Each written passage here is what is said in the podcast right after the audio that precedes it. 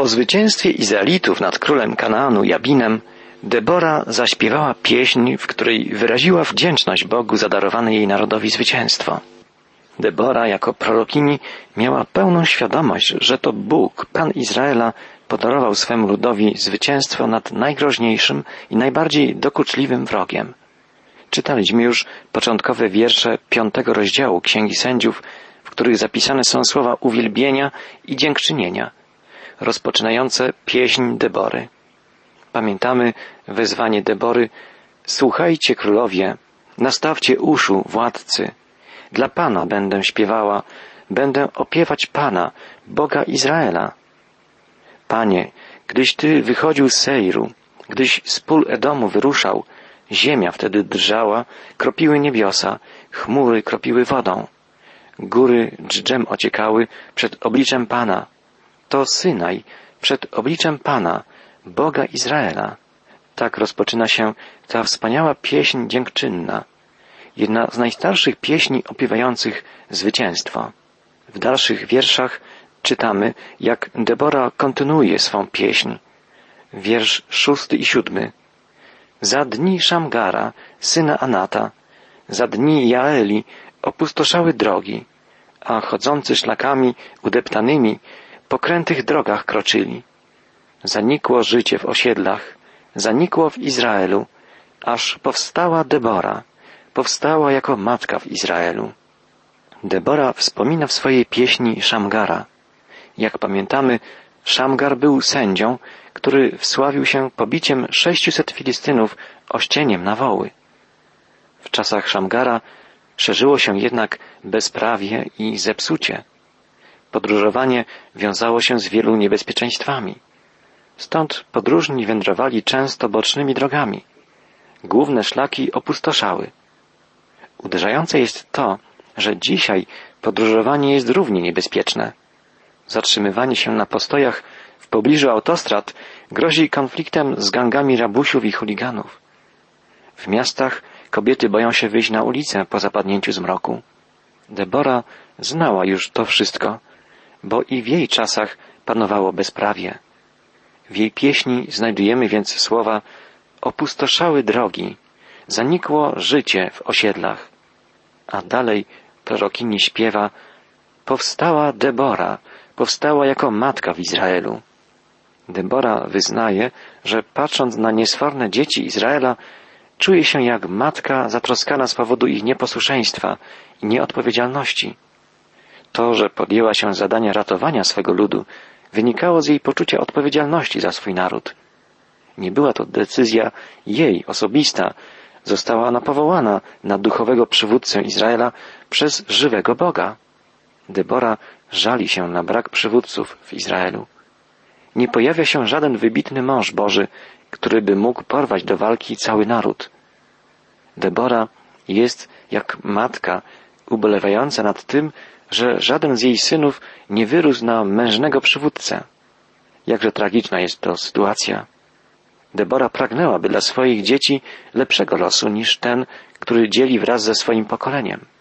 Z powodu tego pragnienia, pragnienia matki, pragnienia prorokini, została sędzią i stanęła na czele swego ludu. W swojej pieśni Debora piętnuje bałwochwalstwo szerzące się wśród Izraelitów. Ludzie oddalili się od Boga, obrali sobie nowych bożków. Słyszymy słowa pieśni. Gdy nowych bogów obrano, którym dawniej nie służyli, czyż widać było choć jedną tarczę lub dzidę wśród czterdziestu tysięcy w Izraelu? Ludzie odwracający się od Boga częściej niż ateistami stają się czcicielami różnych bóstw i bożków. Tak było w czasach Debory, tak jest i dzisiaj. Pomyślmy o milionach ludzi żyjących dzisiaj bez Boga. Jak wielu z nich wikła się w różnego rodzaju kulty, wierzenia, religie, sekty. Jak wielu z nich poszukuje odpowiedzi na swoje pytania w nowych ruchach, jak New Age, w nowych prądach myślowych, filozofiach i różnego rodzaju grupach zainteresowań, w ruchach pokojowych, ekologicznych i innych. Ludziom wydaje się, że zbudują samodzielnie jakiś system filozoficzny, religijny, polityczny, prawny czy moralny, system, który zapewni im bezpieczeństwo i szczęście. Po zakończeniu II wojny światowej powszechny był optymizm i wiara w to, że ludzkości uda się zaprowadzić nowy ład, że uda się ludziom zapewnić pokój. Ciągle wybuchają jednak coraz to nowe konflikty zbrojne. Psalmie 85 znajdujemy takie słowa. Łaskawość i wierność spotkają się z sobą. Ucałują się sprawiedliwość i pokój. Pokój nastanie dopiero wtedy, gdy zapanuje równocześnie sprawiedliwość. Bóg nie pozwoli nam na wygodne, spokojne życie w bezprawiu i zepsuciu moralnym. Bóg nie pozwolił na to także w Izraelu. Pieśń Debory mówi dalej.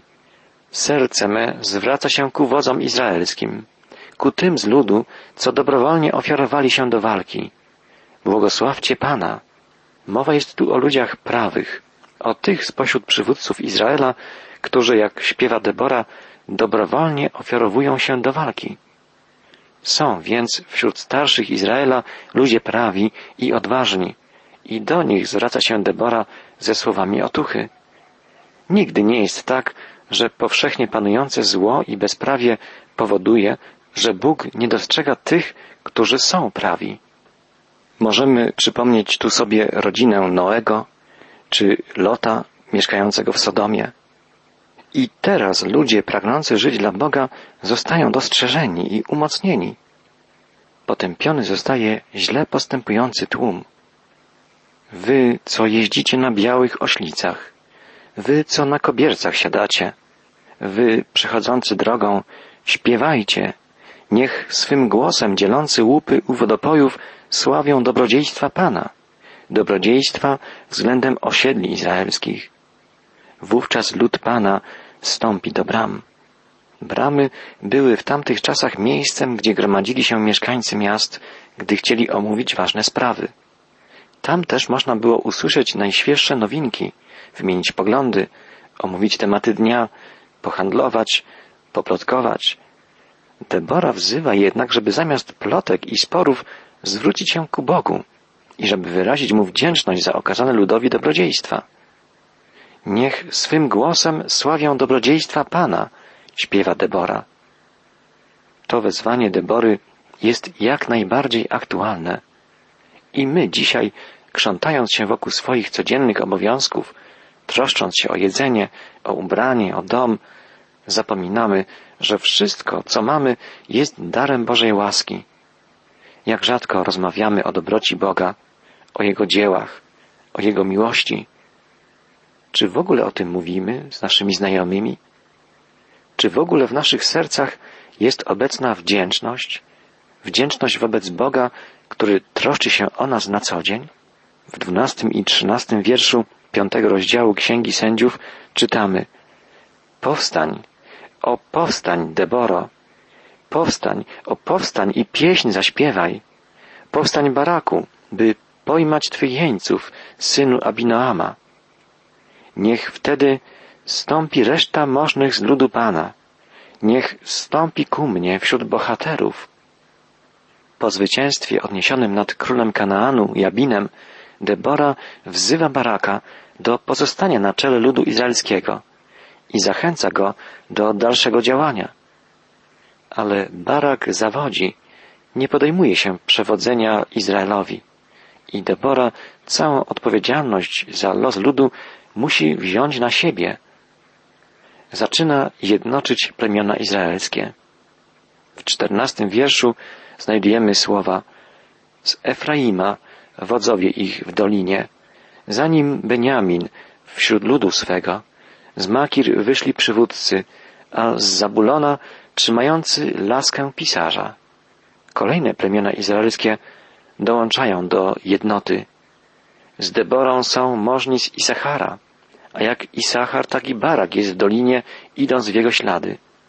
A nad strumieniami Rubena zastanawiają się długo. Czemuż to siedzisz między stajniami, słuchając ryku trzód? Nad strumieniami Rubena zastanawiają się długo. Gilead za Jordanem spoczywa, a czemu Dan przebywa na okrętach? Asher pozostaje nad brzegiem morza, mieszkając w swych portach bezpiecznie. Nie wszystkie plemiona, jak widzimy, były gotowe do wspólnego działania. Pokolenie Rubena nie przyłączyło się do innych plemion jednoczących się pod przywództwem Debory. Mimo, że sąsiadowali ze swoimi braćmi, Rubenici woleli nie włączać się w żadne wspólne działania. Przedkładali nad wspólne dobro swoje własne sprawy. Woleli trzymać pieczę nad swoimi majątnościami, dbali o swoje trzody, troszczyli się o plony swoich pól. W swoim egoizmie nie dostrzegli zagrożenia ze strony wrogich Izraelowi ludów Kanaanu. Nie dostrzegli tego, że tylko wspólnie z innymi plemionami izraelskimi mogą pokonać tych, którzy będą chcieli odebrać im już zdobytą ziemię. Podobnie jak Rubenici zachowali się potomkowie Dana i Ashera. O Rubenitach czytaliśmy nad strumieniami Rubena zastanawiają się długo. Zastanawiają się i nasłuchują głosu swoich trzód. A o Danie i Aszerze czytamy Gilead za Jordanem spoczywa, a czemu Dan przebywa na okrętach? Asher pozostaje nad brzegiem morza, mieszkając w swych portach bezpiecznie. Plemię Gada, zwanego też Gileadem, oraz pokolenia Dana i Ashera, zamieszkujące tereny nadmorskie, zajęte były handlem, łowieniem ryb, uprawianiem żyznej ziemi.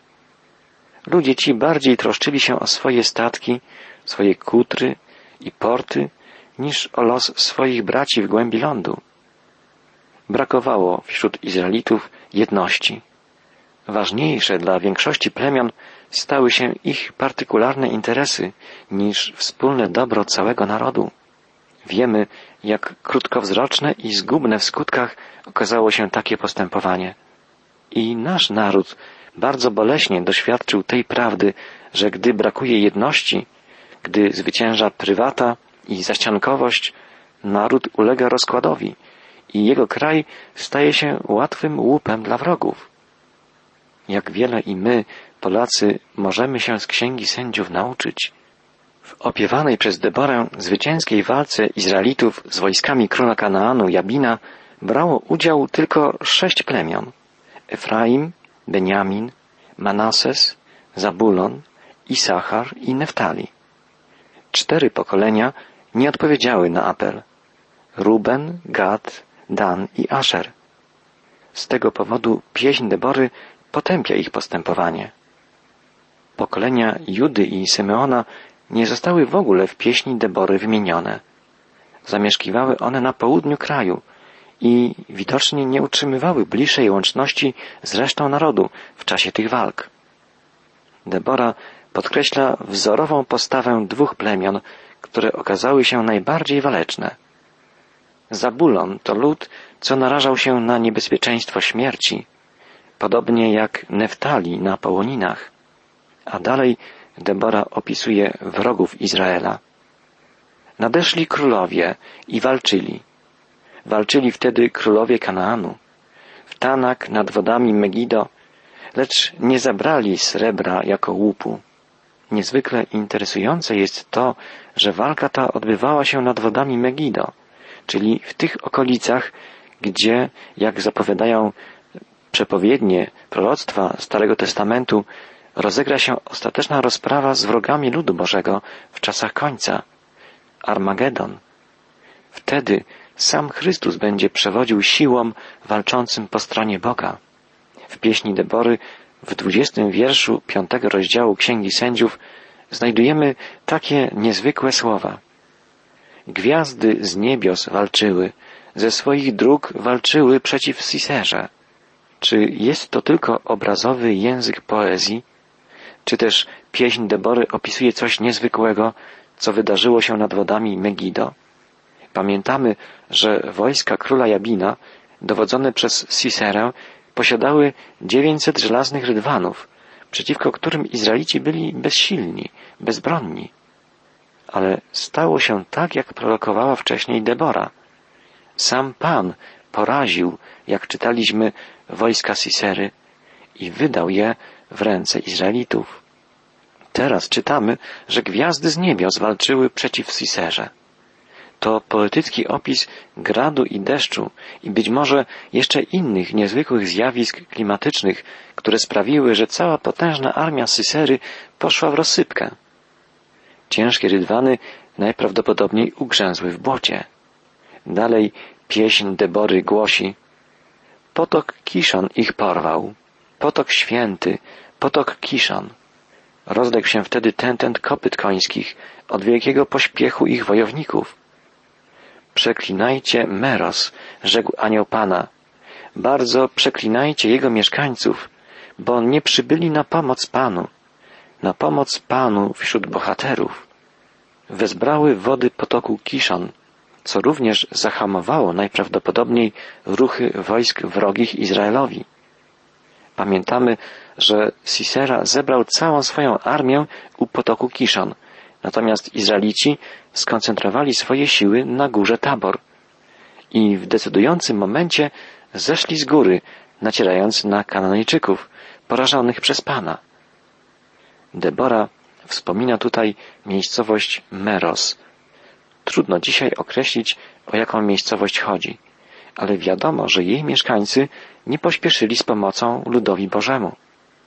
Anioł Pana, jak podkreśla Debora, przeklął mieszkańców Meros, bo nie przyszli na pomoc Panu, głosi pieśń Debory. Tak stanie się też w czasie ostatniej bitwy z wszystkimi, którzy nie staną po stronie Pana, którzy nie znajdą się po stronie powracającego w chwale Mesjasza, Chrystusa. Debora sławi w swej pieśni Jael, kobietę, która mimo, że nie należała do narodu izraelskiego, została bohaterką tej bitwy, uśmiercając Siserę. Czytamy, prosił o wodę, a mleka mu dała. W naczyniu odświętnym podała mu mleko. Lewą ręką sięgnęła po palik, prawą po ciężki młot. Uderzyła Siserę, zmiażdżyła mu głowę. Skroń mu przebiła, przekłuła. U nóg się zwalił, upadł zabity. U nóg jej się zwalił i upadł. Tam, gdzie się zwalił, tam upadł martwy. Jest to drastyczny opis, ale był to czas wojny. Wojna zawsze pociąga za sobą tragedię. Wielu ludzi ginie, wiele rodzin cierpi z powodu utraty bliskich. Debora, zwana matką Izraela, objawia swoje matczyne serce. Wspomina w swej pieśni matkę Sisery. Przez okno wychyla się i patrzy matka Sisery przez okienne kraty. Czemuż wóz jego opóźnia przybycie? Czemuż opóźnia się stuk jego rydwanów? Matka Sisery przeczuwała w swoim sercu, że jej syn nie powróci do domu. Śmierć syna zawsze jest dla matki ogromnym wstrząsem i wielką tragedią. Debora, matka Izraela, rozumie ból matki Sisery, który zginął tak haniebnie. Ale zło musi być potępione. Debora kończy swą pieśń słowami Przez okno wychyla się i patrzy matka Sisery przez okienne kraty. Czemuż wóz jego opóźnia przybycie? Czemuż opóźnia się stuk jego rydwanów? Roztropniejsza z jej kobiet dała jej odpowiedź, a ona sobie powtarza jej słowa. Przecież zbierają łupy i rozdzielają brankę jedną lub dwie dla każdego wojownika. Szaty barwione jako łup dla Sisery, na szyję żony króla różnobarwne chusty. To oczywiście nieprawda. Sisera zginął. Został pokonany jako wróg ludu Bożego. Debora w ostatnim akcencie kończy swoją pieśń wspaniałymi słowami. Tak, Panie, niechaj zginą wszyscy Twoi wrogowie, a którzy Cię miłują, niech będą jak słońce wschodzące w swym blasku i żył w spokoju kraj przez lat czterdzieści. Tak kończy się pieśń Debory i opowieść piątego rozdziału Księgi Sędziów. Wszyscy wrogowie Boga zostaną ostatecznie pokonani. Zwycięstwo Izraelitów nad wojskami kananejskimi dało im pokój na okres czterdziestu lat. Ostateczna rozprawa z siłami zła przyniesie pokój na wieki. Ale czy my znajdziemy się wśród tych, którzy, ponieważ miłują Boga, będą jak słońce wschodzące w swym blasku, tak jak woła Debora. Panie, niechaj zginą wszyscy Twoi wrogowie, a którzy Cię miłują, niech będą jak słońce wschodzące w swym blasku. Czy będziemy na wieki przebywać u boku zwycięskiego Chrystusa, w Jego blasku, księcia pokoju? Czy jest On dla nas, dla Ciebie osobiście, drogi słuchaczu, światłością świata? Czy będziesz kiedyś świecić Jego blaskiem? Czy tego pragniesz?